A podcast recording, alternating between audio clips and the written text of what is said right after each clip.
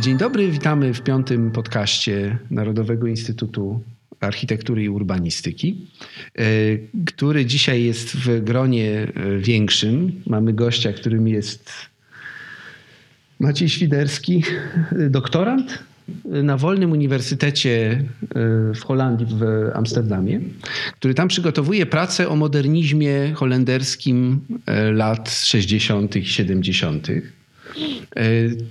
Tu jest Andrzej Skalimowski z Niaju, a ja jestem Błażej Brzostek. I spróbujemy sobie porozmawiać dzisiaj o blokowisku w Holandii. O prawdziwym wielkim e, blokowisku, które wyrosło w latach 60. i 70. pod Amsterdamem i które e, e, kojarzy nam się, gdy widzimy jego e, obrazki, no z dobrze znanymi pejzażami Europy Wschodniej. I może od tego byśmy zaczęli, że Polacy są przyzwyczajeni do myśli, że blokowiska są fenomenem środkowo- i wschodnioeuropejskim. Znaczna część Polaków się wychowała w blokach, kojarzy je ciągle z systemem komunistycznym. To się oczywiście nieco zmienia dzisiaj, bo mamy mm, jakieś przewartościowanie też w stosunku do y, tego typu osiedli, do modernizmu w ogóle, y, o czym rozmawialiśmy w poprzednich podcastach, y, ale jednak dość rzadko porównujemy to z sytuacją krajów szczęśliwych, bogatych, których mieszkańcy mieszkają w pięknych małych domkach z ogrodami i wszyscy mm, generalnie różnią się od naszego doświadczenia, y, a tymczasem może tak nie jest. I dlatego postanowiliśmy porozmawiać y, o tym właśnie, o tym osiedlu, y, o jego problemach, o tym, jak ono ewoluowało przez ostatnie 50 lat, co się z nim stało. I spróbujemy je też trochę zestawić z naszymi polskimi doświadczeniami, pewnie narzucającymi się przede wszystkim e, ogromnymi osiedlami z lat 70. na czele z e, warszawskim Ursynowem. E, no ale zacznijmy może od pytania, skąd w ogóle pomysł na zajmowanie się tym, dlaczego Holandia, dlaczego Amsterdam? Zacząć w ogóle całą naszą rozmowę powinniśmy pokrótce chociaż wspomnieć o specyfice holenderskiej przestrzeni miejskiej. I tutaj możemy sobie wyobrazić Amsterdam jako to e, typowe wielkie miasto holenderskie. Miasto, które jest zbudowane z bardzo ciasno przy sobie e, namnożonych praktycznie domów kupieckich, e, powstałych w XVI-XVII wieku. Oczywiście zbudowanych wokół kanałów, wzdłuż kanałów. Z, poza tym od XIX, XX, początku XX wieku także pojawiają się niewielkie kamienice. Um, najczęściej są to kamienice, w których można znaleźć 3-4 mieszkania. E, nie było w holenderskim mieście e, budynków takich jak kamienica czynszowa, e, typowe dla Warszawy, dla Paryża na przykład budynki mieszkaniowe. Gdzie były dziesiątki mieszkań, prawda? W niektórych warszawskich kamienicach przełomu XIX-XX wieku mieszkało powyżej 500 osób, a były też takie, w których mieszkało 1000 osób, więc e, rozumiem, że skala zupełnie inna. Skala zupełnie inna. E, nie było w Amsterdamie tego fenomenu studni. Mm, ulice były, studni. Tak, tak, mhm. tak. Ulice były potwornie e, zapchane, to była bardzo gęsta zabudowa. Zresztą nadal jest, to cały czas istnieje tam. Natomiast to podwórko typu studnia zostało zastąpione ogródkami, takimi wewnętrznymi dziedzińcami. To zupełnie inaczej E, wyglądało niż e, właśnie choćby e, budynki w Paryżu, w Warszawie, w Pradze. W Bo też skala tych miast była zupełnie inna, prawda?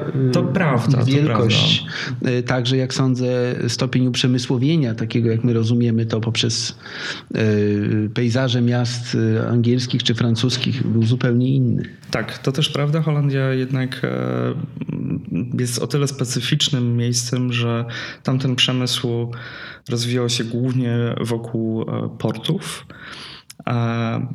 Natomiast miasta jako takie były nieco oddalone od tych portów. To wciąż widać, jak spojrzymy na plan Amsterdamu, na plan Rotterdamu, że te porty nie są w centrum miasta, tylko są od niego oddalone. Natomiast przemysł, nie wiem, ciężki przemysł w miastach holenderskich można powiedzieć, że praktycznie nie istniał. Na pewno nie na taką skalę jak e, w Łodzi na przykład, w Warszawie nawet, albo w innych miastach zachodniej Europy. No, Holandia wyrasta z kultury kupieckiej, z kultury wielkiego handlu. E, najbardziej, e, najszybciej rozwijający się, najbardziej, jakbyśmy dziś powiedzieli, e, zmodernizowany, zupełnie anachroniczne pojęcie, fragment Europy nowożytnej, XVI-XVII wiecznej, który zachował jakby do dzisiaj, to jest bardzo uderzające, wiele tych cech przestrzennych, wiele cech mentalnych, tamtej kultury, takiej kupieckiej, e, bardzo intensywnej, ale jednocześnie e, no, pozostawiającej ludzi w takim środowisku życia, które jest względnie kameralne. Tak, to prawda. I tutaj e, to jest jeden z moich ulubionych obrazków z Amsterdamu. Kiedy w marcu pojawia się słońce, temperatura cały czas sięga maksymalnie 10 stopni. Wszyscy mieszkańcy parterowych mieszkań na tych ciasnych ulicach e, wyciągają stoliki i krzesła i jedzą śniadania na, na zewnątrz. E, co dla mnie jest po prostu szokujące kompletnie. Tam nie ma tego samego stopnia znajomości. No tak, bo to jest też. kwestia anonimowości też wielkomiejskiej, prawda? No Dokładnie. i tu dochodzimy do nagle zjawiska, które y, jest y, zupełnie sprzeczne z tym wszystkim, o czym mówisz, czyli do wielkoskalowych osiedli mhm. mieszkaniowych i pojawia się pytanie, Dlaczego wtedy się zdecydowano coś takiego implantować y, w Holandii w latach 60. I tu pierwszą taką myślą, jaka przychodzi do głowy, jest wojna. Tak. E, I wojna była jednym z głównych powodów, e, e, przez które zdecydowano się w ogóle myśleć w kierunku budowania blokowisk. W dużej mierze miasta holenderskie zostały zniszczone podczas II wojny światowej. I tutaj czołowym przykładem jest Rotterdam, który został kompletnie zbombardowany pod koniec, pod koniec wojny. Amsterdam ocalał. Amsterdam tak naprawdę nie doznał żadnego uszczerbku i przez to był największym miastem holenderskim zaraz po wojnie i musiał poradzić sobie z migracją wewnętrzną, z ludnością napływową, nie tylko z obszarów wiejskich, ale też głównie z innych miast, z innych miast które prawda? były zniszczone, mhm. ewentualnie które nie posiadały odpowiedniej infrastruktury, Jasne. bo ta została zniszczona. Mhm. I to jest doświadczenie, które znowu no, dla Polaków brzmi swojsko. Ale nie do końca, bo jednak yy, w przypadku Polski napływ odbyło się w kierunku Warszawy, która była zniszczona, która leżała w gruzach. Amsterdam no tak, ale z drugiej strony masa Natomiast tych dawnych y, warszawiaków się wyniosła proces, na przykład do Wrocławia, oczywiście, tak. Gdyni, prawda, Krakowa. Procesy migracyjne wewnętrzne są jak najbardziej tutaj, wydaje mi się, podobne i zbieżne, ale ciekawe też mi się wydaje to, o czym mówiłeś, czyli przykład Rotterdamu, jako miasta zburzonego, miasta mm, zniszczonego w stopniu przekraczającym 70-80% przedwojennej zabudowy. I tu już mamy punkt styczny z Warszawą. I drugim takim punktem, wydaje mi się, podnoszony wielokrotnie, jeżeli poruszamy temat odbudowy Warszawy, tak zwany dekret komunalizacyjny, dekret Bieruta, e, który oczywiście przyjął w Polsce formę w gruncie rzeczy aktu bezprawnego. Znaczy on był aktem prawnym, który był, nie był stosowany i w związku z tym ludzie byli jakby pod, pod tym sztandarem, pod tym hasłem bezprawnie pozbawiani swojej własności.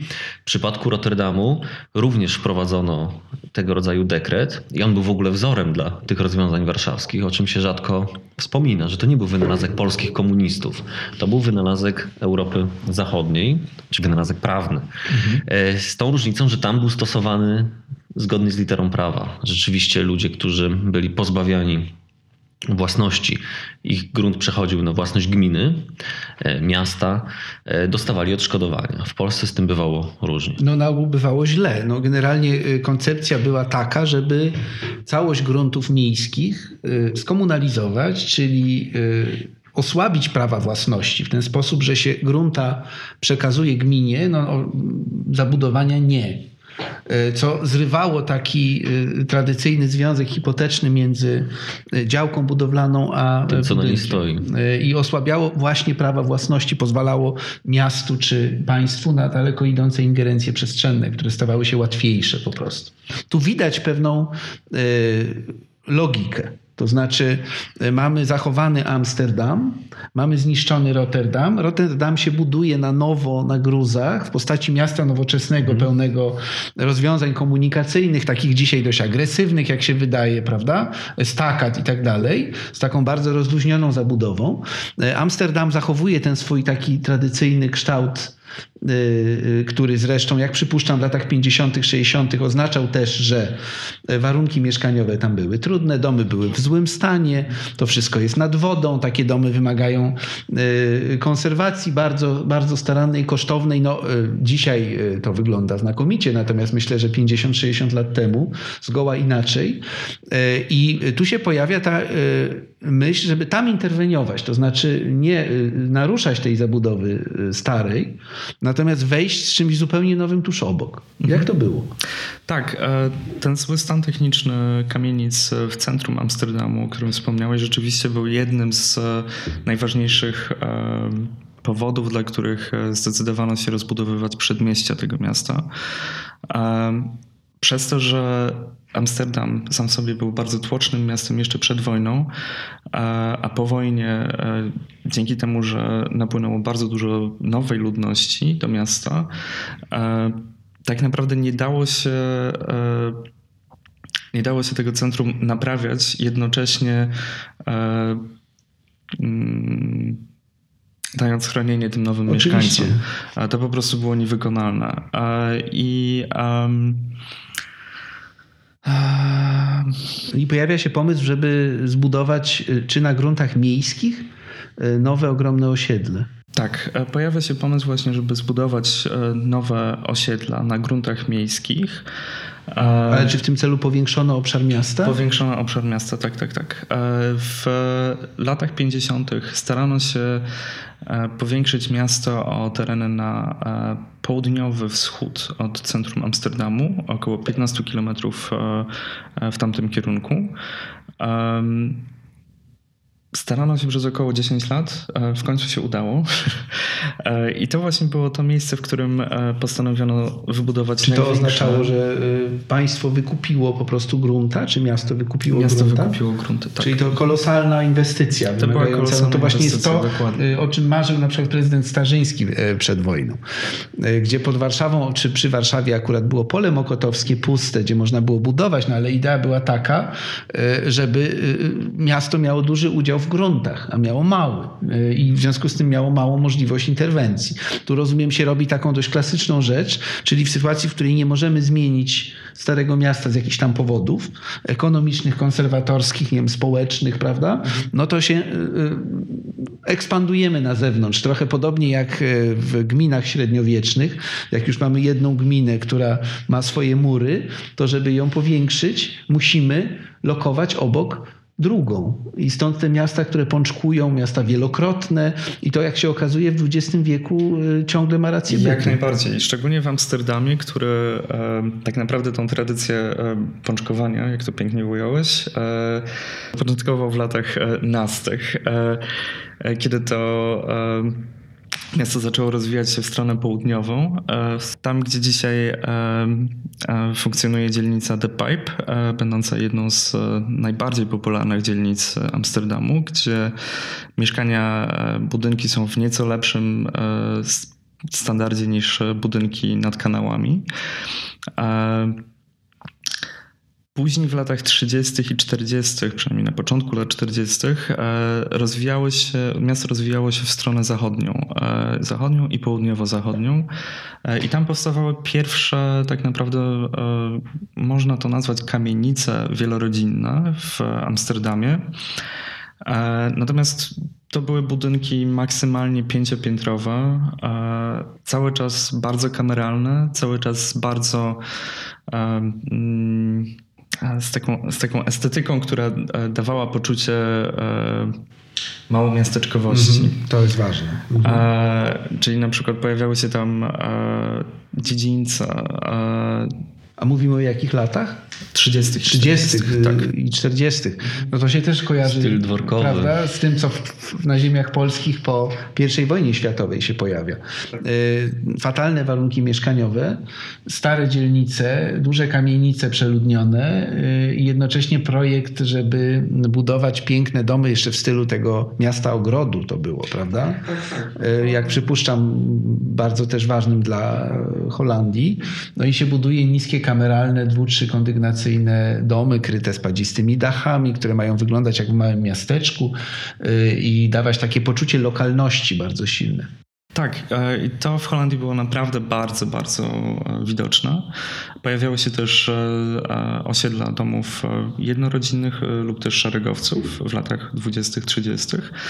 I tutaj akurat najciekawszym chyba takim założeniem jest zbudowane na południe od Amsterdamu pierwsze na świecie bodajże osiedle zbudowane z wielkiej płyty które ma, nosi piękną nazwę Betondorp, e, czyli e, miasteczko betonowe.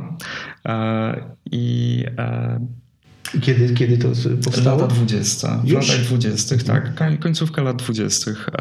Jeżeli miałbym to porównywać do, do tego, co znamy z, z Warszawy chociażby, to zabudowa jest jeżeli chodzi o skalę, jest podobna do tego, co można znaleźć na Żoliborzu. Mhm. Natomiast wracając e, do, do tematu tych wielkich blokowisk, które pojawiały się po wojnie, to tak jak zaczęliśmy rozmawiać na temat tego e, wykupu i poszerzania miasta o nowe, o nowe tereny, Właśnie ten teren około 15 km na południowy wschód od centrum Amsterdamu został przeznaczony na pierwsze e, osiedle, e, które na pierwsze osiedle, e, w którym budynki miały mieć więcej niż pięć kondygnacji. I to był już pierwszy poważny eksperyment, który chciano zastosować w tym miejscu. Mówimy o latach 60. Mówimy już. teraz o latach koń... przełom 50. 50. 60. Mhm. dokładnie. Problem tutaj polegał na tym, że wciąż jeszcze nie było takiego e, przyzwolenia politycznego i społecznego na to, żeby blokowiska budować. To wciąż było niezgodne z tym charakterem, z tym DNA holenderskiego miasta.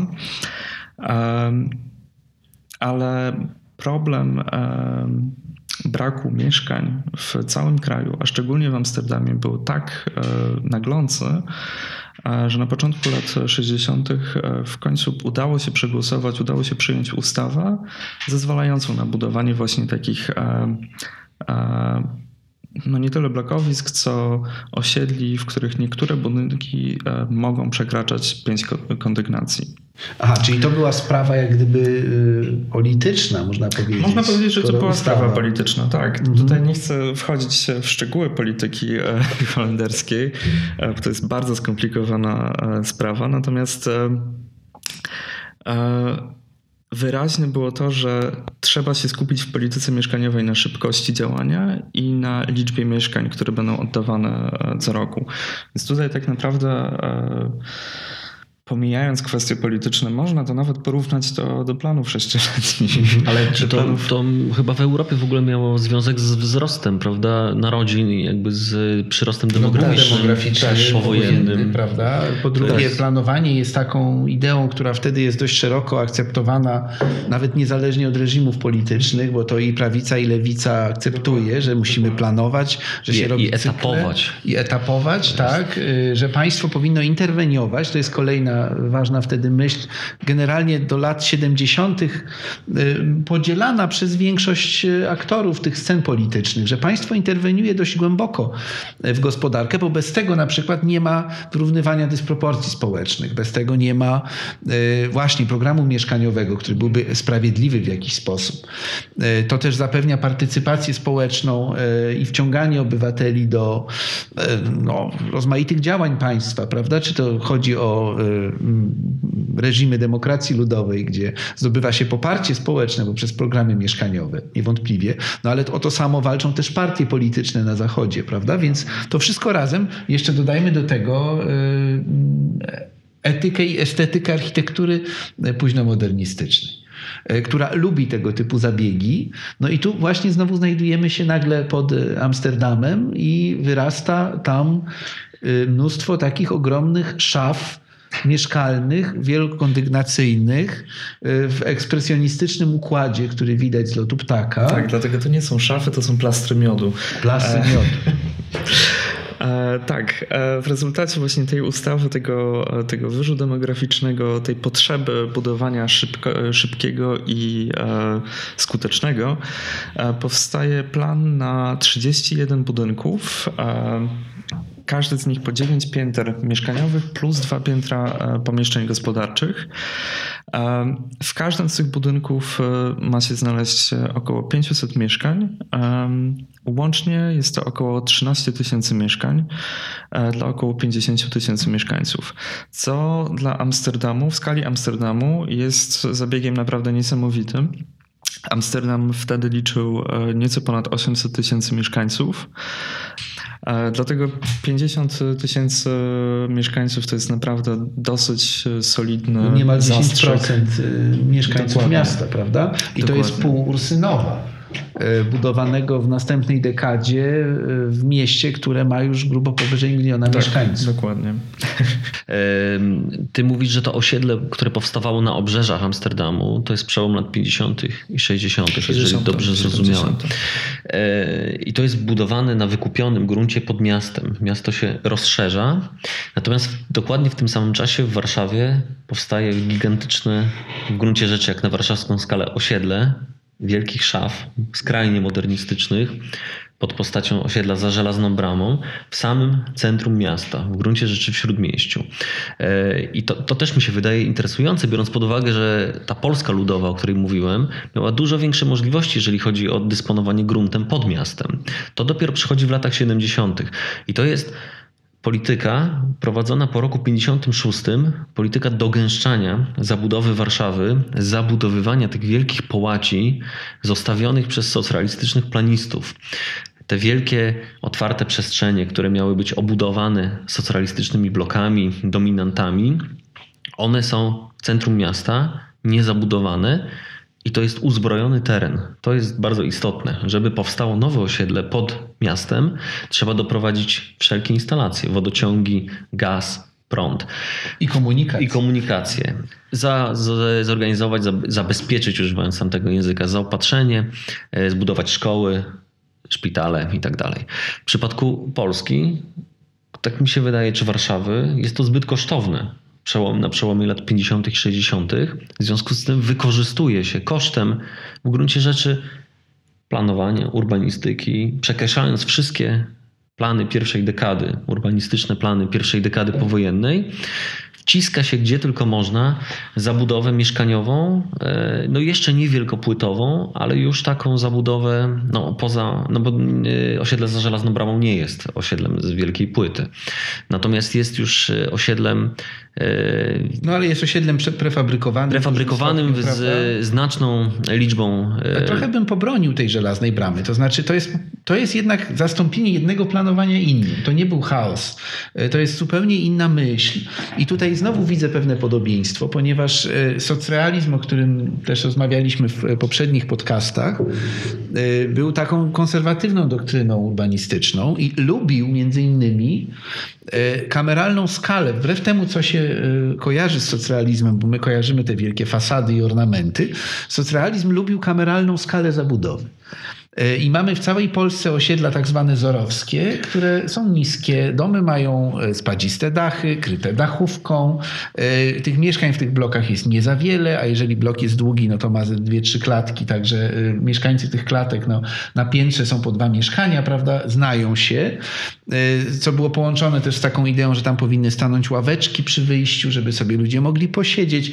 To wszystko jest takie jednak tradycyjne. Natomiast modernizm, który zaczyna e, się panoszyć, ten późny modernizm, tak dość nagle po 56 roku, gdy wolno i gdy jest wielki zachwyt właśnie ideami e, architektury e, zachodniej, skandynawskiej między innymi, właśnie się patrzy na Holandię, Karpiński projektuje ścianę wschodnią, patrząc na Rotterdam w dużym stopniu, więc te, te blokowiska jest po prostu pewna koncepcja przestrzenna, która rzeczywiście tu w warunkach polskich może być realizowana nagle w środku miasta, no też z powodu zniszczeń. No ale jak są kamieniczki, to się do burzy, prawda? E, jak są ulice, to można zignorować ich sieć zupełnie e, i wymyślić sobie nowe. Pałac zabytkowy lubomirski można przesunąć. przekręcić. Tak. Bardzo ciekawa zresztą e, operacja. Więc to są takie, takie ingerencje bez pardonu w przestrzeń, ale one się wydają w większości ówczesnych urbanistów uzasadnione, wręcz naukowe, konieczne są dowodem jakiejś wyższej myśli, większej wyobraźni. Jak to się sprawdziło, jak to wyglądało w warunkach Holandii? Tak, e, tutaj chciałem tylko e, napomknąć, bo powiedziałeś, że e, w warunkach Warszawy wbudowanie takiego osiedla na skraju miasta było niemożliwe ze względów finansowych. Było możliwe, ale było, było kosztowne. Było, tak, tak, tak. I jak się niedługo okaże, co, co, o czym będę mówił, w warunkach Amsterdamu też było to kosztowne i też było to w sumie niemożliwe, co było jednym z powodów, mm, no powiedzmy, upadku tego osiedla. Może nazwijmy to osiedle w końcu. osiedle, o którym będę teraz mówił, to jest Bijlmermeer.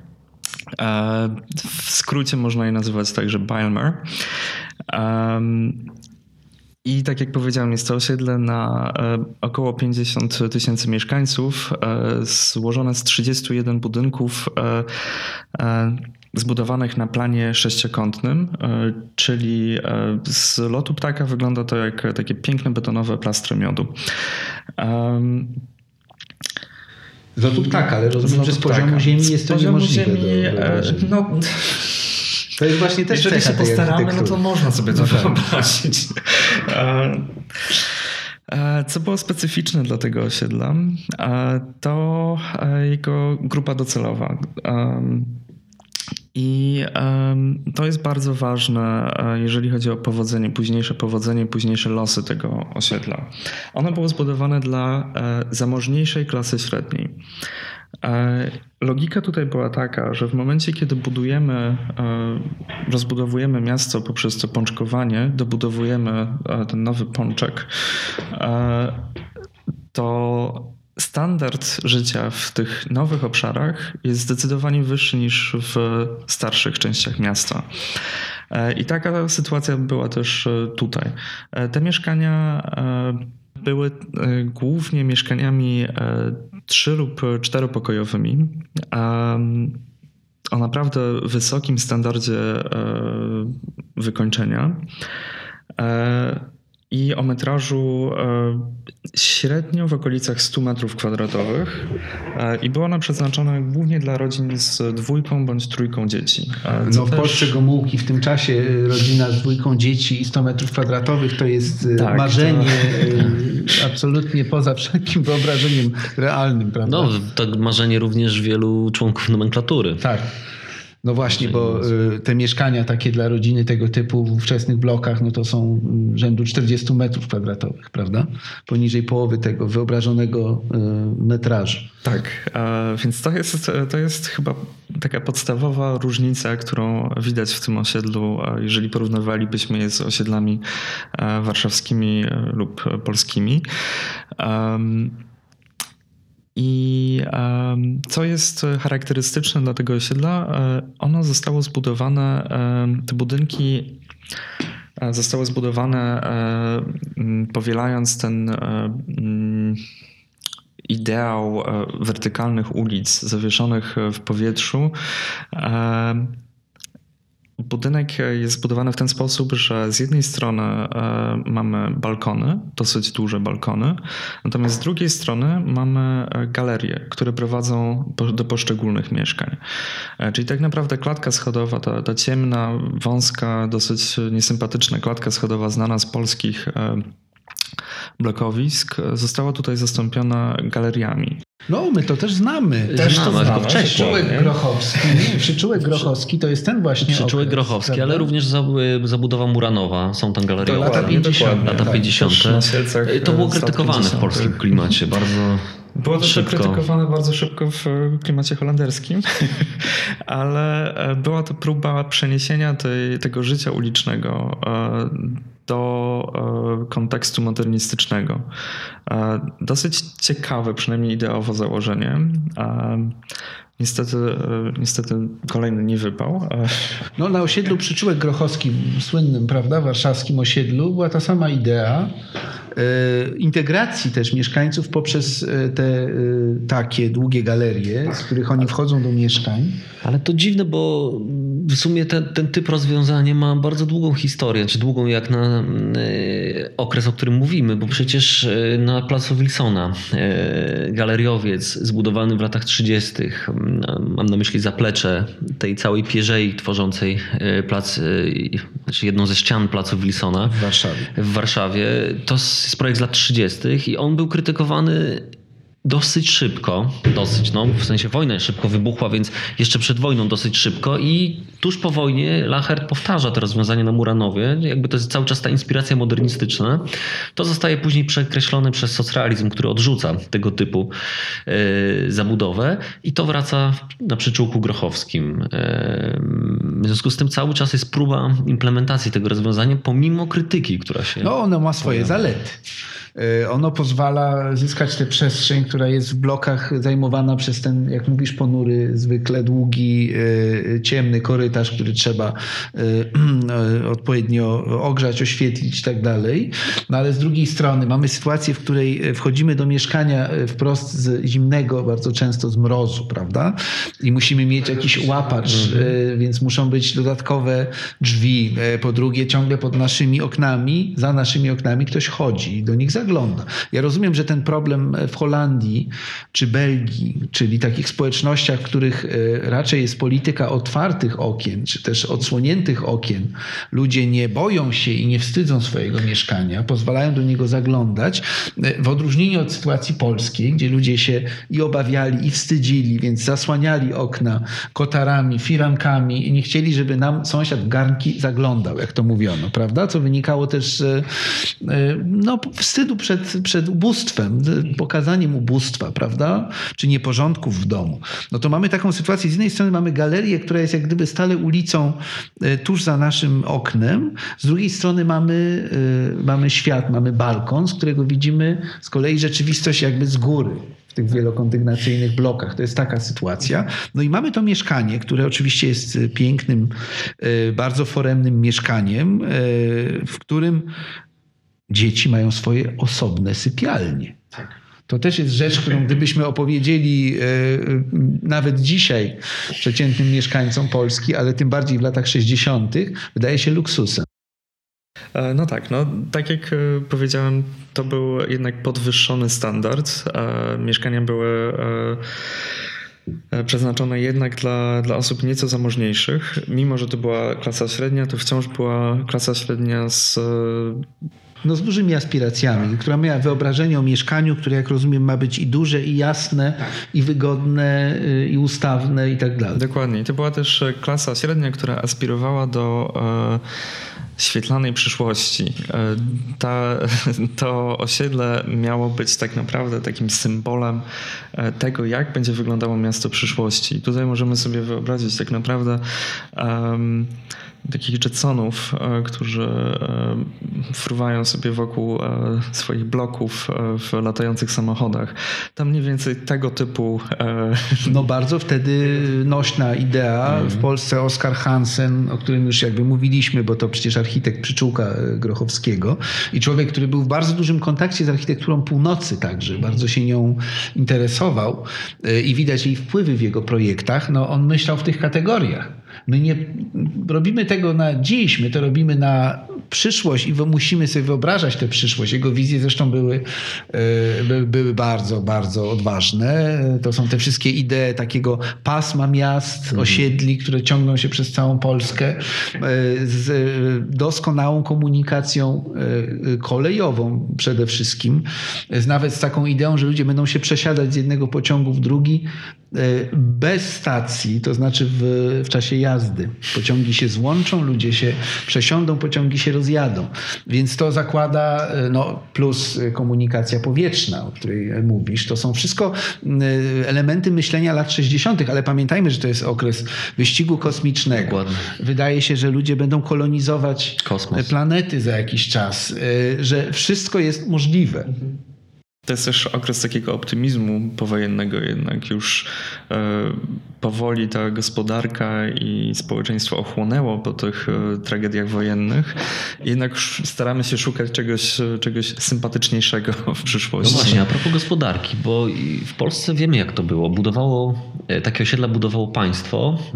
Były oczywiście pewne formy spółdzielczości, ale generalnie te mieszkania były przydzielane przez państwo.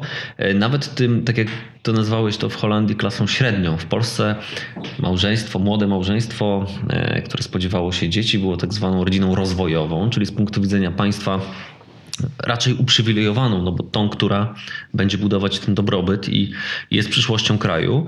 E, no ale Holandia była krajem kapitalistycznym, e, zachodnim krajem kapitalistycznym. Kto budował te osiedla i żeby czy to mieszkanie, o którym mówiliśmy, 100-metrowe, e, ta rodzina klasy średniej musiała kupić.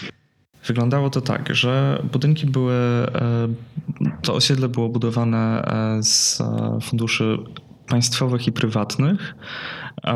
Natomiast jeżeli chodzi o dostanie tego mieszkania, holenderski rynek mieszkaniowy działa e, na zasadzie, mm, w dużej mierze na zasadzie takiego budownictwa socjalnego, z tym, że to ma kompletnie inne konotacje niż e, to, z czym budownictwo socjalne kojarzy nam się e, w Polsce. Funkcjonowało to w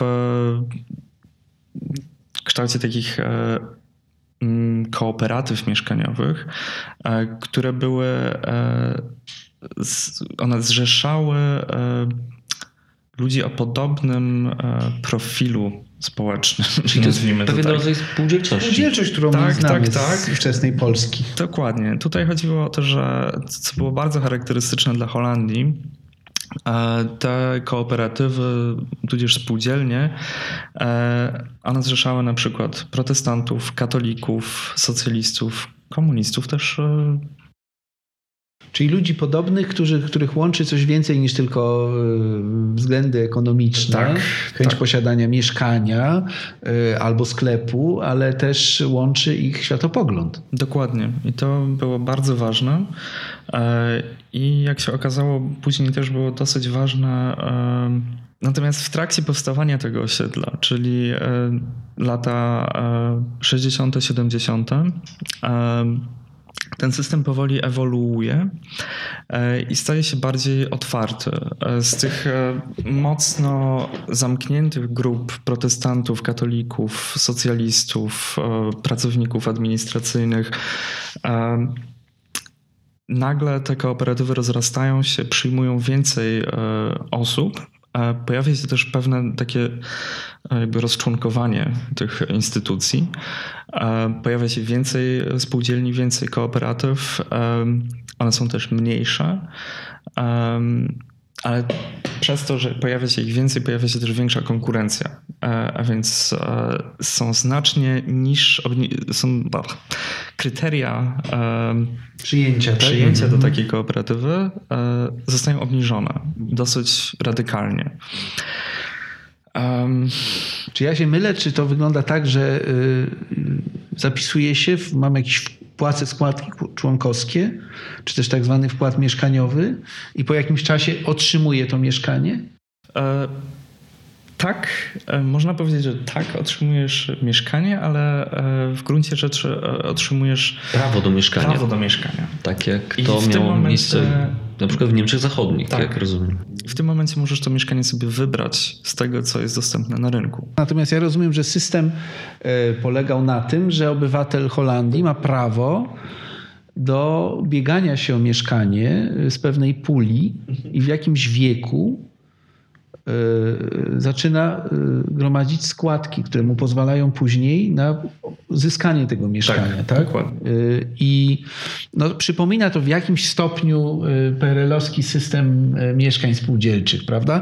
Po roku 56 to spółdzielnie są tym podmiotem w Polsce odpowiedzialnym przede wszystkim za budowę mieszkań. Innymi słowy, państwo w pewnej mierze to zrzuca z siebie jako ciężar organizacyjny, zapewnia materiały, zapewnia przedsiębiorstwa, przedsiębiorstwa zapewnia e, siłę roboczą, zapewnia pewne nakłady finansowe, natomiast jednak obywatele mają w dużej mierze dźwigać to zadanie poprzez wkłady mieszkaniowe, gromadzenie pieniędzy e, i to już nie wygląda tak, że państwo buduje i rozdaje, tylko w pewnej mierze to zrzuca na spółdzielnie. Przy czym państwo polskie w tym wariancie PRL-owskim no było państwem niedemokratycznym. W związku z tym też i spółdzielnie traktowało w sposób, który był mu właściwy. To znaczy bardzo szybko te spółdzielnie tracą podmiotowość, e, muszą e, ogromne pule mieszkań po prostu oddawać do dyspozycji administracji.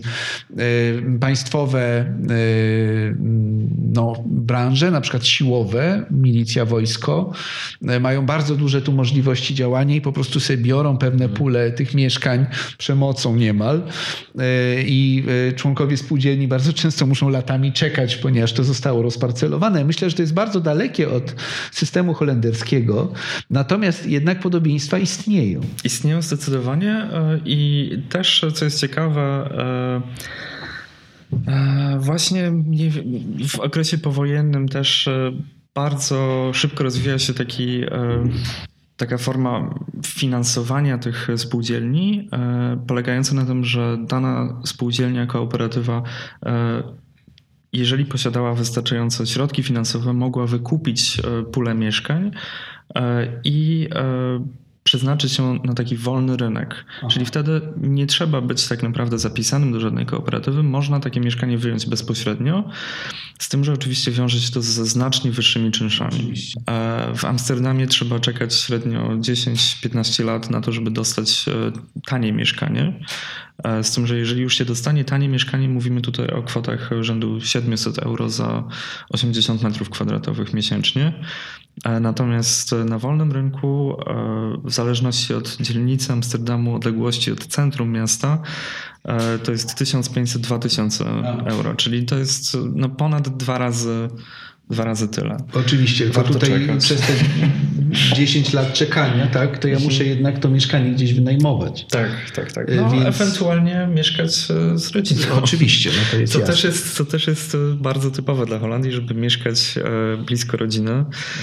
Tak, a teraz przejdźmy do charakterystyki osiedla z zewnątrz. E, tak jak już wspomniałem, budynki w kształcie tych plastrów miodu zatopione w zieleni. I e, co ciekawe, to, ta zieleń między blokami e, miała być rzeczywiście takim parkiem, czyli tam miało być bardzo dużo krzewów, e, gęstych zarośli. To miał być tak naprawdę taki ekosystem sam w sobie.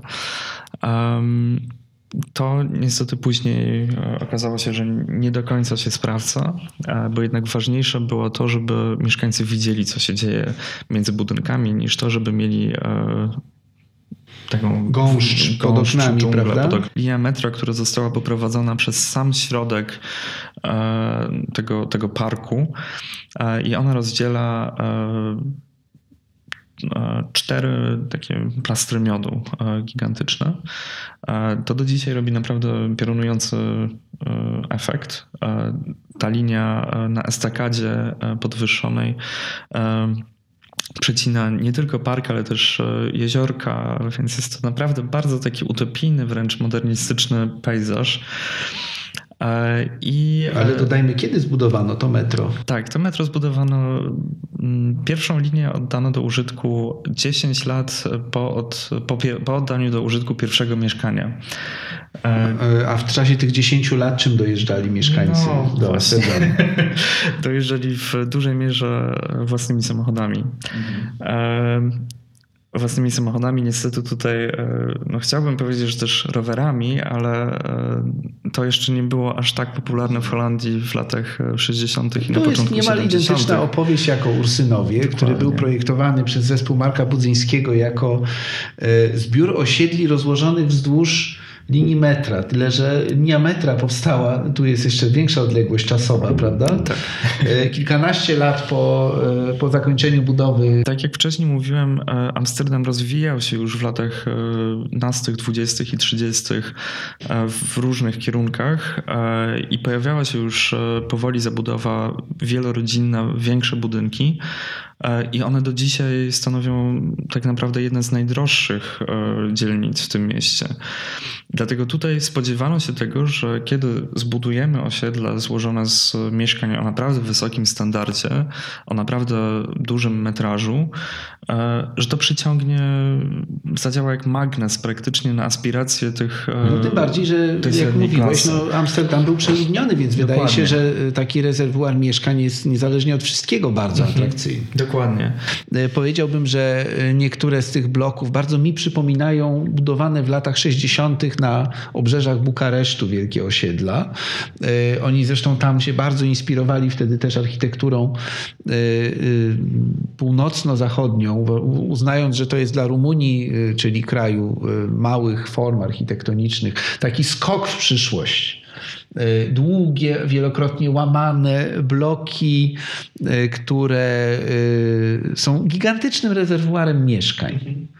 Więc dają też poczucie bardzo dużego sprawstwa całej elicie społecznej, elicie politycznej, planistom, architekci czy urbaniści, którzy byli przyzwyczajeni do małych zamówień jednak, prawda? Na ogół to jest jeden dom mieszkalny, trzy bloki mieszkalne powiedzmy. Nagle planują w takiej skali, że czują no, budują właściwie małe miasta. Budują albo i wielkie miasta. Albo i wielkie miasta. Od razu natychmiast miasta dla setek tysięcy mieszkańców. W związku z tym e, te makiety, które tworzą i potem realizacja tych makiet w przestrzeni, która się dzieje w szybkim tempie, e, daje wtedy, jak sądzę, całej tej elicie planistycznej poczucie jakiegoś rodzaju spełnienia. No na pewno, na sukcesu. Pewno, tak. E, tego, że odciskają swoje piętno na, na rzeczywistości w sposób nieznany wcześniej w tej skali. I tu mamy tę skalę, to wszystko tu widać. E, na czym polega fiasko?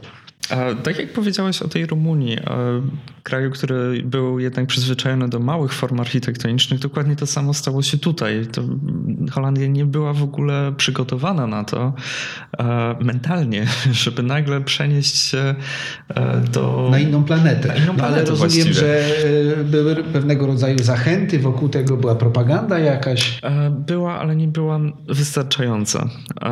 I tutaj też problemem było to, że architekci, urbaniści, którzy Mm, e, których zaprzęgnięto do, do budowy tego osiedla, do budowy Balmer, w żaden sposób nie skonsultowali się z e, mieszkańcami. E, więc tak naprawdę to było takie wyłożenie tych idealistycznych makiet, tego, tego całego dorobku późnego modernizmu, wylanie tego na, na osuszone bagno. No tak. I, no i prawda była taka, że, że po prostu oczekiwano od ludzi, że oni się przystosują do tego. Tak, jakby tradycja konsultacji społecznych ma dosyć krótką historię. Do, do niedawna jeszcze architekt urbanista, to on tworzył i wskazywał. Ludzie mieli, dlatego tak pytałem cię o to, czy, czy ludzie, którym to zaproponowano, e, odrzucili to w sposób instynktowny czy świadomy, e, właśnie w akcie pewnego protestu przed takim kompleksowym urządzeniem im życia, bo to nie tylko przestrzeni, ale tak jak tu patrzymy, to jest właściwie wielki, skomplikowany mechanizm takiego życia codziennego, gdzie wszystko no więc właśnie. Wjeżdżasz windą do no samochodu, do parkingu, wyjeżdżasz, wszystko jest rozplanowane, nie ma tu miejsca na spontaniczność, nawet nie masz za bardzo gdzie zjechać, jakbyś chciał z tej trasy. To prawda, ale to też zakłada, że po pierwsze, y, to wszystko będzie skończone. E, w szybkim tempie. Po drugie, że będą żłobki, przedszkola, sklepy, zakłady usługowe, knajpy, wszystko, co człowiekowi jest do szczęścia potrzebne i nie powstanie to spontanicznie poprzez pączkowanie, e, tylko zostanie umieszczone w pewnym programie, prawda? To, co widzimy w miastach postkomunistycznych, gdy rozpadła się gospodarka e, centralnie zarządzana, między blokami zaczęły wyrastać budy, budki, kioski. blaszane garaże, kioski, stoiska i tak dalej. Powstał taki liszaj mhm. handlu, który jednak no, z drugiej strony nie jest liszajem, tylko jest po prostu życiową koniecznością, ale wygląda jak liszaj. E, natomiast tutaj mamy e, konieczność projektowania pawilonów, przewidzenia, ile osób w jakim czasie będzie miało dzieci i dla, ile dla tych dzieci jest potrzebne miejsc w szkołach. Mhm. Potrzebny jest efektywny transport publiczny, który dowiezie tych ludzi do pracy. Czy to wszystko w tym wariancie modernizacji holenderskiej się udało? W kontekście tego konkretnego osiedla, Biomare, to się nie udało. Szczególnie jeżeli chodzi o komunikację miejską. Tak jak już mówiliśmy, metro, pierwsza linia metra, która została dociągnięta do tego osiedla, pojawiła się dopiero w 1977 roku, czyli no 9 lat po oddaniu pierwszego mieszkania do użytku. No to miało naprawdę ogromne znaczenie, dlatego że dzielnica Balmermere była oddalona 15 km od Amsterdamu, co w skali Amsterdamu jest naprawdę kolosalną e, odległością. E, I ponadto e, ta, ta dzielnica była enklawą Amsterdamu. Ona była oddzielona od miasta nie tylko e, w sensie administracyjnym, ale także w sensie fizycznym. Natomiast na początku tak, powstały szkoły, powstały żłobki, przedszkola, była zapewniona to taka infrastruktura, można powiedzieć, opiekuńcza. Natomiast e, nie było praktycznie e, żadnych miejsc, w których można by było się rozluźnić po, po dniu pracy, w których można by było odpocząć, w których można by było się bawić. Nie było infrastruktury takiej jak na przykład hala sportowa, basen. E, to powstało dopiero pod koniec lat 70 nie udało się tego zrealizować ze względów finansowych właśnie. E, okazało się dosyć szybko, że e, samo wybudowanie tych, e, tych budynków na terenach bądź co bądź podmokłych, bo mówimy tutaj o Holandii, wiązało się z no, niesamowitymi kosztami. Także doprowadzenie infrastruktury takiej jak same drogi, co zresztą zauważyliście tutaj, że widać na tym zdjęciu z królową, te drogi były naprawdę gigantyczne te ciągi komunikacyjne były naprawdę przewidziane na, na dosyć spory ruch. Um, bardzo szybko się okazało, że pieniędzy po prostu braknie na to, żeby, żeby to wykończyć w taki sposób, żeby przyciągnąć jeszcze więcej ludzi. A jeżeli dodamy do tego to, że ludzie nie chcieli się tam osiedlać, E, i że te mieszkania nie były wynajmowane e, tak Ale nie stało szybko. puste chyba osiedle. Stało prawda? puste, oczywiście, A, stało że stało puste w latach 70., tak? końcówka na początku lat 80., mówimy tutaj nawet o 25-30% pustych mieszkań. Pustych mieszkań. No, to też to sen mieszkańca ówczesnego PRL, prawda? No właśnie. Um, automatycznie, jeżeli nie mogę mm, przyciągnąć ludzi, dla których to zostało zaprojektowane docelowo, oni nie chcą z różnych powodów, o których tu mówiliśmy, to kieruję tą ofertę do innych. W tym przypadku do ludzi mniej zamożnych, ludzi, którzy czekają na te mieszkania.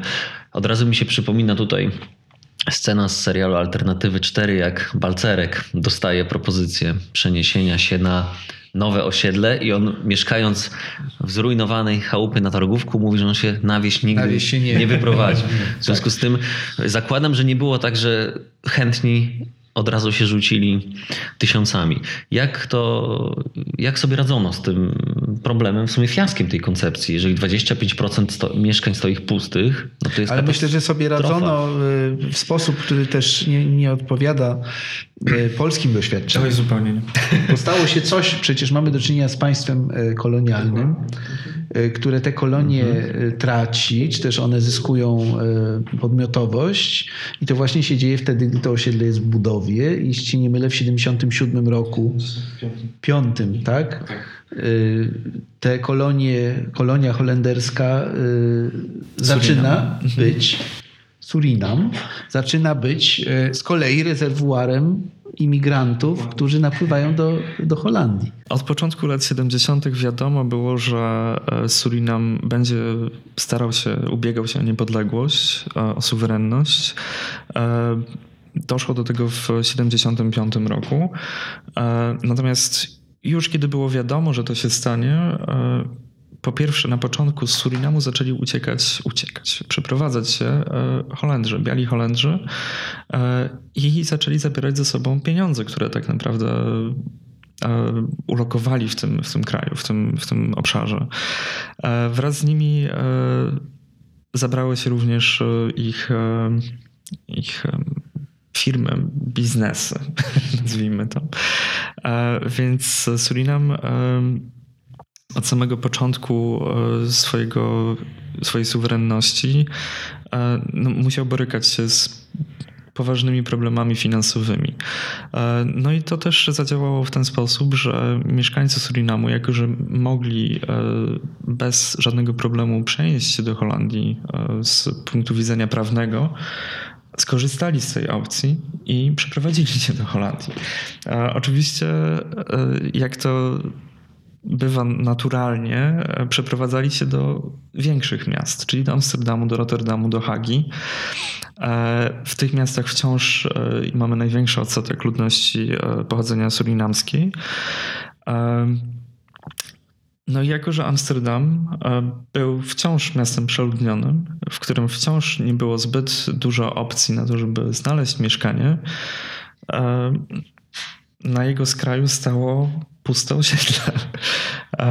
Czy puste w jednej no, czwartej. W jednej czwartej, To tak. też jest ciekawe w kontekście mhm. zderzenia tej, tej, nowej fali napływu z tymi lokatorami jednak, są. którzy są. I tutaj jest bardzo ciekawe i to jest e, problem tej specyfiki rynku mieszkaniowego. E, tak jak mówiłem, e, właśnie w latach 60. nastąpiło takie rozczłonkowanie tych wspólnot mieszkaniowych, tych spółdzielni pojawiły się mniejsze, mniejsze kooperatywy, które miały e, znacznie mniejsze zasoby, także finansowe, e, więc e, zaczęły obniżać standardy przyjmowania do mhm. przyjmowania znaczy, nowych próg wejścia został. Tak. Na początku były to powiedziałbym, że takie standardy społeczne, czyli na przykład rezygnujemy z tego, że to będzie grupa ściśle protestancka, ściśle katolicka. Przestajemy żądać tak do odpisu y, chrztu i dokładnie, komunii. Tak? Dokładnie. Później e, były to e, takie e, obniżenia żądań czysto finansowych, czyli z klasy wyższej, tudzież średniej, e, nagle poszerzamy tą grupę też o lokatorów z klasy, e, no nawet tej niższej, robotniczej.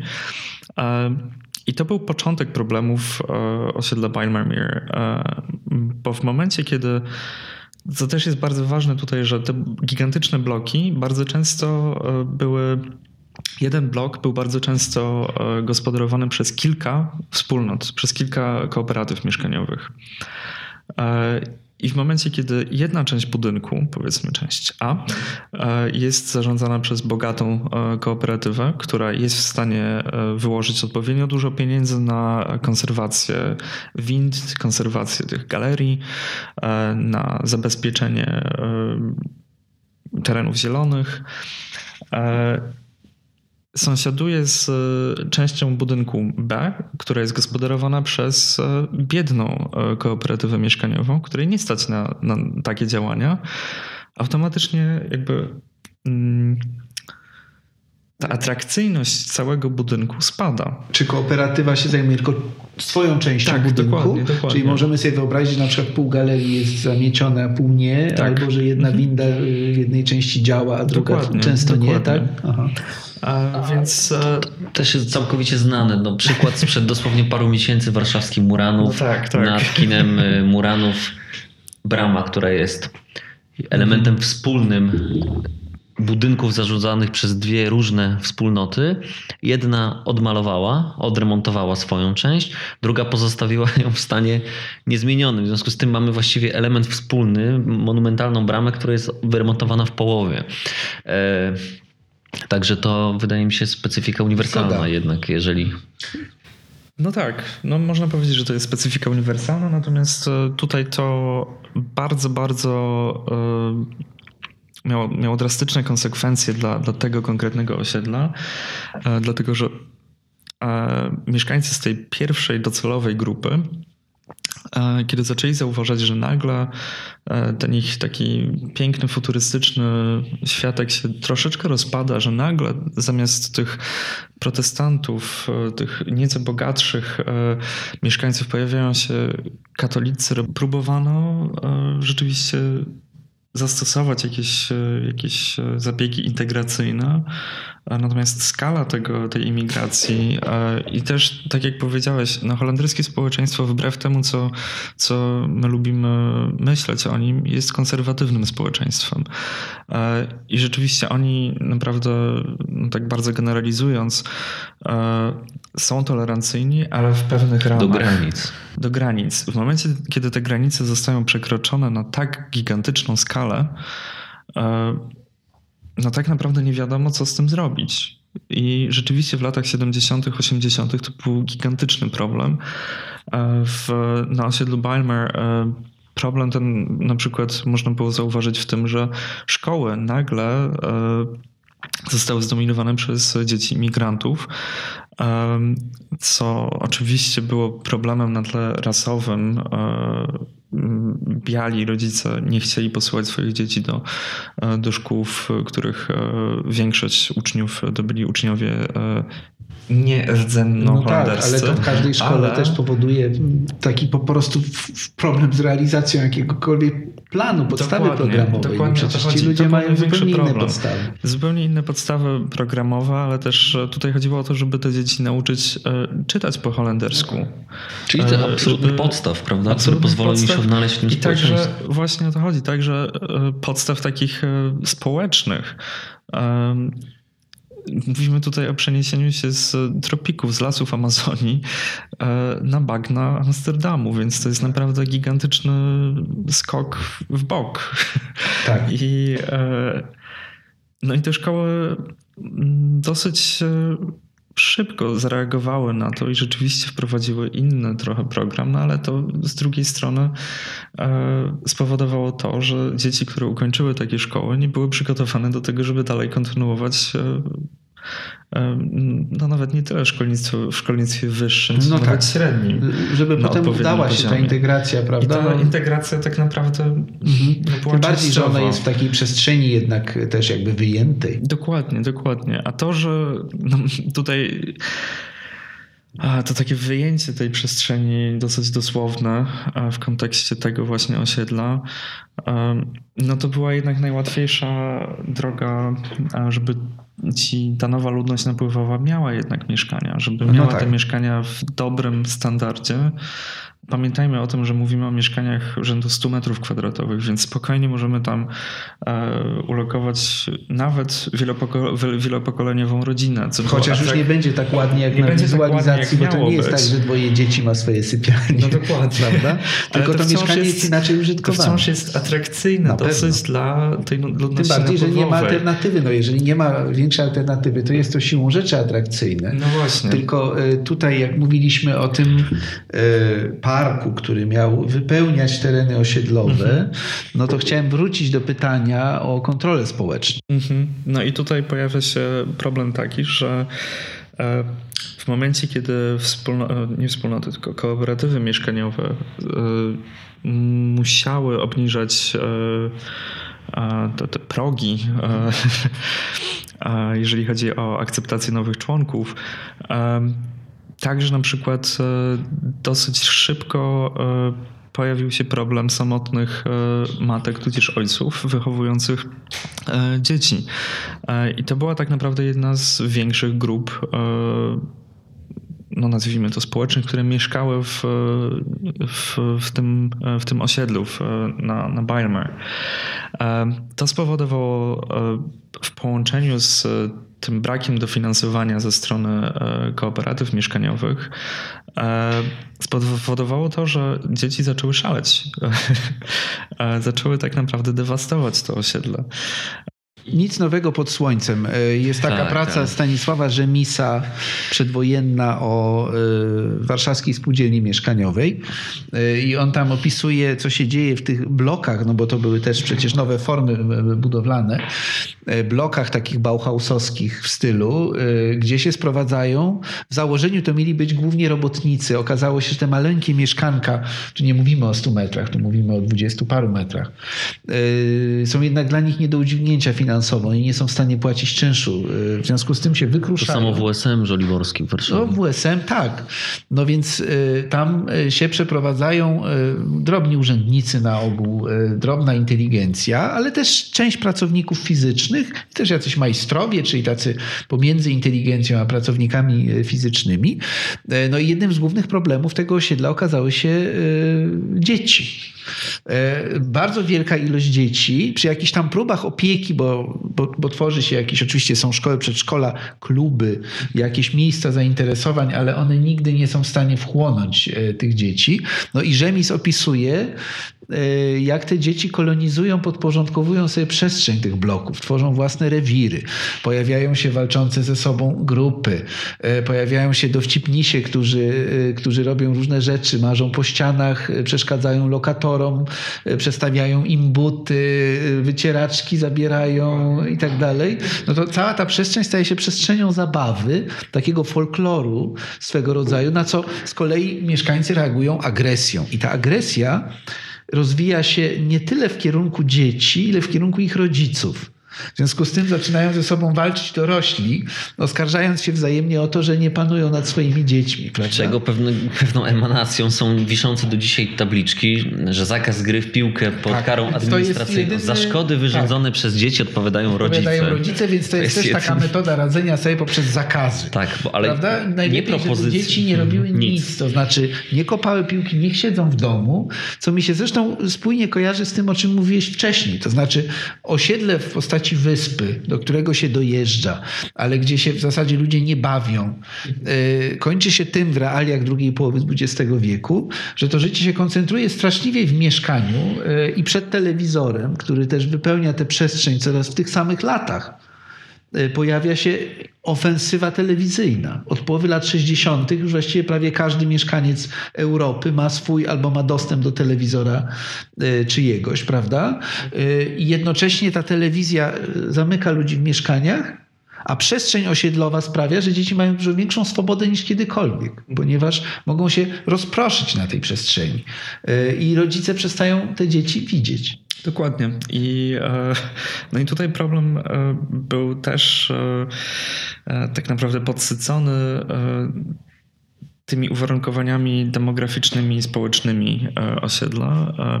Już po e, tej fali imigrantów z Surinamu i także z innych części, e, nie wiem, czy z Turcji, e, z Bliskiego Wschodu, nagle tworzą się, tak jak powiedziałeś, w tych warunkach przedwojennych w Warszawie tworzyły się grupki, e, takie jakby małe gangi.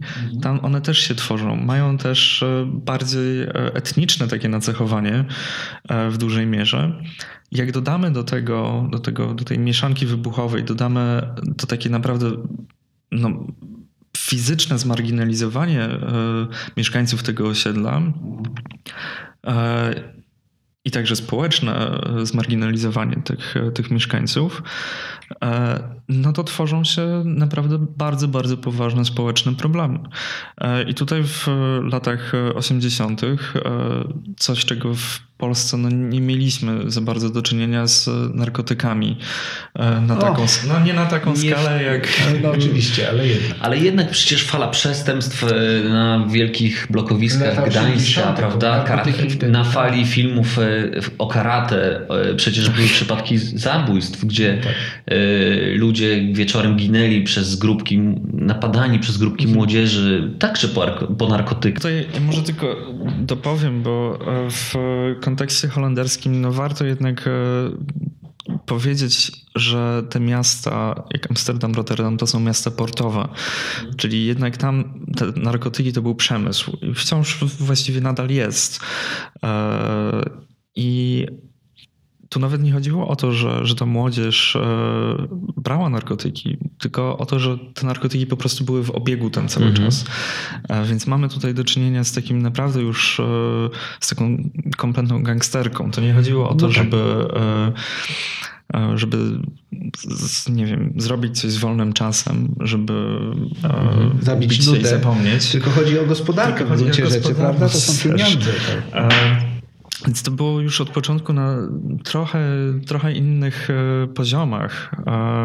No ale też powiedzmy sobie, że reakcja e, na te problemy e, jest bardzo radykalna. Mhm. Zdaje się, że to osiedle wyburzono. Tak.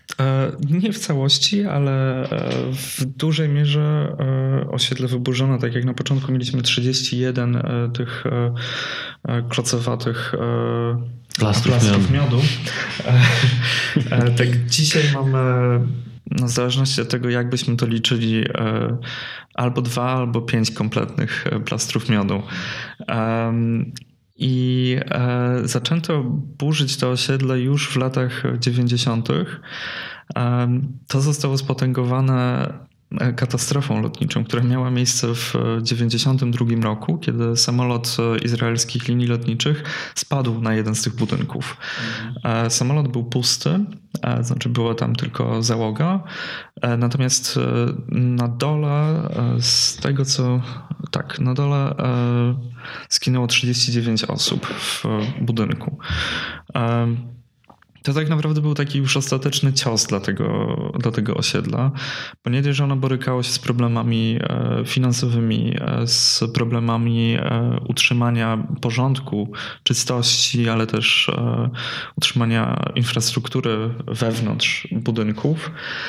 Borykało się też z no, katastrofalną reputacją praktycznie. Nie dość, że było oderwane od tej rzeczywistości Amsterdamu fizycznie, to jeszcze było oderwane od rzeczywistości społeczeństwa holenderskiego, e, przez to, że było zdominowane e, przez ludność napływową.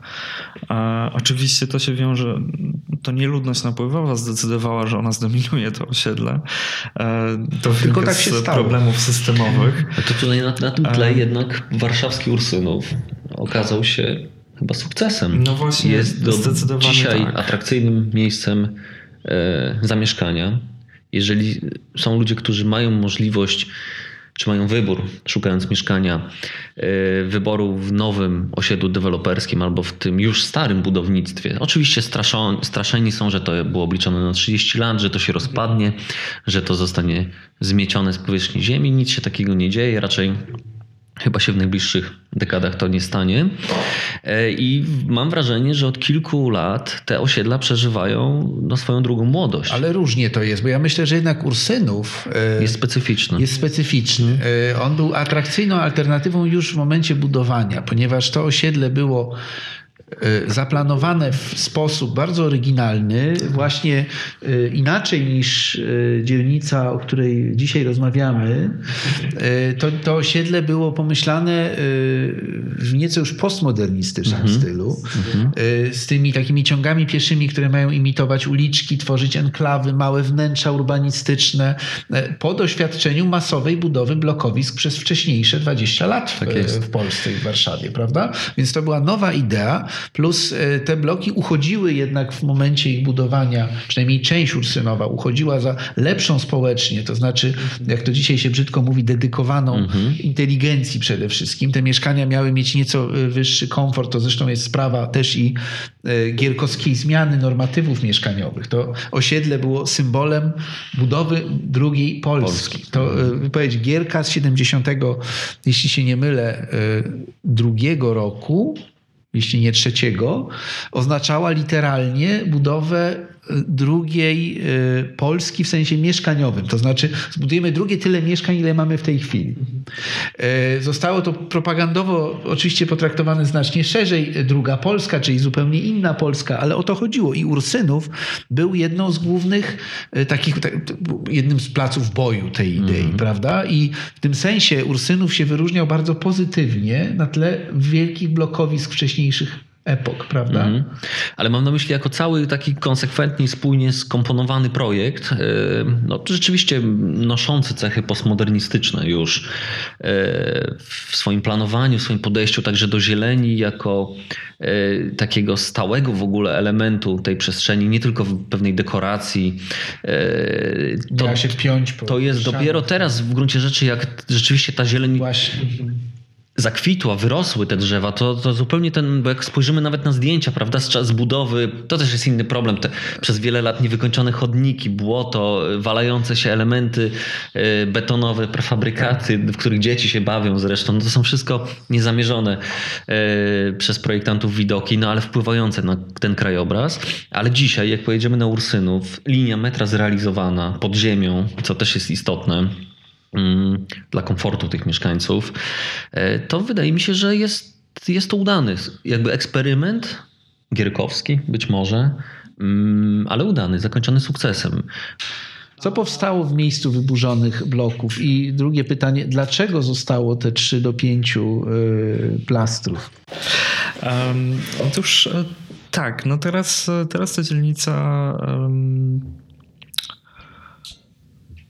tak naprawdę odradza się e, po, po tych latach naprawdę negatywnej, e, negatywnych e, narracji na jej temat. Nagle staje się to jedna z może nie tyle najatrakcyjniejszych wciąż, ale najciekawszych dzielnic Amsterdamu. Po tym, jak wyburzono budynki, już w tym momencie bardzo, bardzo e, silnie była naznaczona, zaznaczona, zaznaczony udział e, mieszkańców w dyskusjach na temat tego, co postawić w miejsce tych budynków. No i postawiono oczywiście budynki mniejsze, w dużej mierze e, nie tyle jednorodzinną zabudowę, co zabudowę szeregową, czyli bardzo typową dla Holandii. Można powiedzieć. Tak zwaną ludzką skalę. Tak, dokładnie. Zachowując, e, zachowując jak rozumiem, jakąś pulę mieszkań, to znaczy Zachowując pulę mieszkań, bez utraty dokładnie. tej, tak, tak, tak. Więc tak? E, ten krajobraz został bardzo silnie dogęszczony w taki sposób no, szczerze mówiąc, jak, jak ja tam e, sobie spaceruję, to nie widzę za bardzo tego, żeby to był krajobraz mniej kosmiczny niż ten, który zastąpi. Dlaczego? E, no bo jednak holenderska architektura ma to do siebie, że jest bardzo postmodernistyczna i bardzo eksperymentalna, e, więc... No ale przynajmniej skala jest inna, bo rozumiem, że formy inna, są tak. takie uderzające, tak? Formy są uderzające, skala jest rzeczywiście inna i rzeczywiście jest to bardziej no, przytulna skala, bardziej taka, taka typowo miejska skala. Um, A czy te bloki mają teraz swoich entuzjastów? Oczywiście, że mają to jest najlepsze miejsce do życia, że nie można nigdzie indziej mieszkać, tak? Mają swoich entuzjastów. E, jeden z tych bloków e, po odnowieniu uzyskał nawet e, nagrodę, europejską nagrodę architektoniczną Misa Wandera, tak? Mhm. Tak, w 2017 czy 2016 roku. Znaczy nie budynek, tylko projekt jego rewitalizacji. To projekt jego rewitalizacji, mhm. tak. Um, I to jest ten najbardziej brutalistyczny właśnie e, budynek. Um, zaczęło się sprowadzać tam e, tak naprawdę nowe pokolenie e, Holendrów, e, którzy są ciekawi tej architektury, są ciekawi tej przestrzeni, ale także są ciekawi tej mieszanki e, demograficznej, która, która eksplodowała w tej okolicy. A więc e, obecnie jest to naprawdę ciekawa, wciąż egzotyczna dosyć dzielnica. Nie tylko pod względem e, właśnie tego, kto tam mieszka, ale też pod względem tego, jak to wszystko wygląda. Natomiast zdecydowanie teraz, dopiero po 50 latach, widać, że to jednak w sumie działa. Mhm. Ale co, co innego działa. Już co nie innego to, trochę prawda? działa, tak, ale widać, że widać, że no, znaczy widać tę samą, coś z tym e, zrobić, powiedziałbym tę samą umiejętność, którą, e, którą e, zaprezentowano w latach 60. To znaczy zdecydowanej, konsekwentnej działalności przestrzennej. Tylko ona poszła teraz w innym kierunku. Ma inny charakter. Wyraźnie ma charakter już tego, tego nowego europejskiego ładu, prawda? To znaczy akceptacji różnorodności, integracji, jednocześnie konsultacji. To jest taki system, w którym się wszystko ciągle konsultuje. Społeczeństwa obywatelskiego, obywatelskiego którym... jak to się mówi, prawda? I to mi się wydaje bardzo interesującym, pokazuje pewną sinusoidę rozwoju w ogóle myśli urbanistycznej projektowej na świecie w XX wieku. Od takiej bardzo demiurgicznej, często brutalnej ofensywy nowoczesności w latach, w połowie XX wieku, w latach 50., 60., gdy królami tego są fachowcy tak. E, są to urbaniści, inżynierowie, architekci. E, każda sfera planowania ma swoich specjalistów.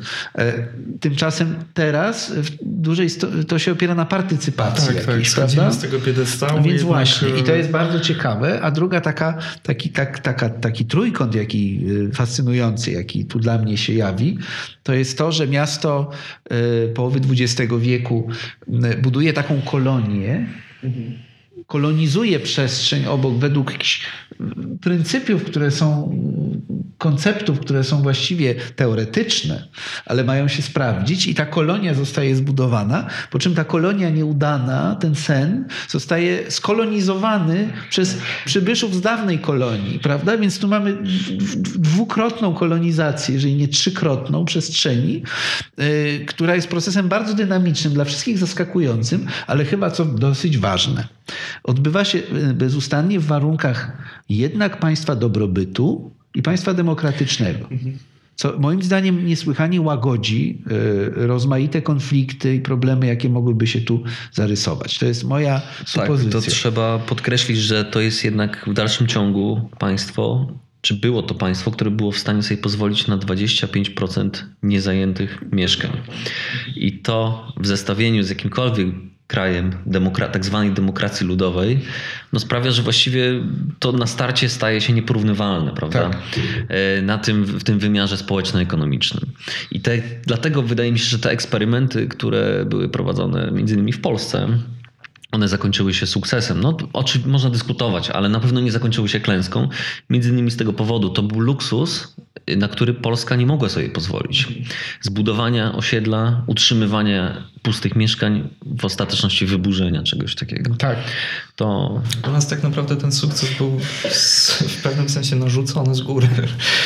Musieliśmy pogodzić się z tym, że, że, że tak że wygląda nasza przestrzeń i, i się dostosować. Dostosować się do mhm. tego. Tam nie było tej, tej, tego nakazu dostosowania się.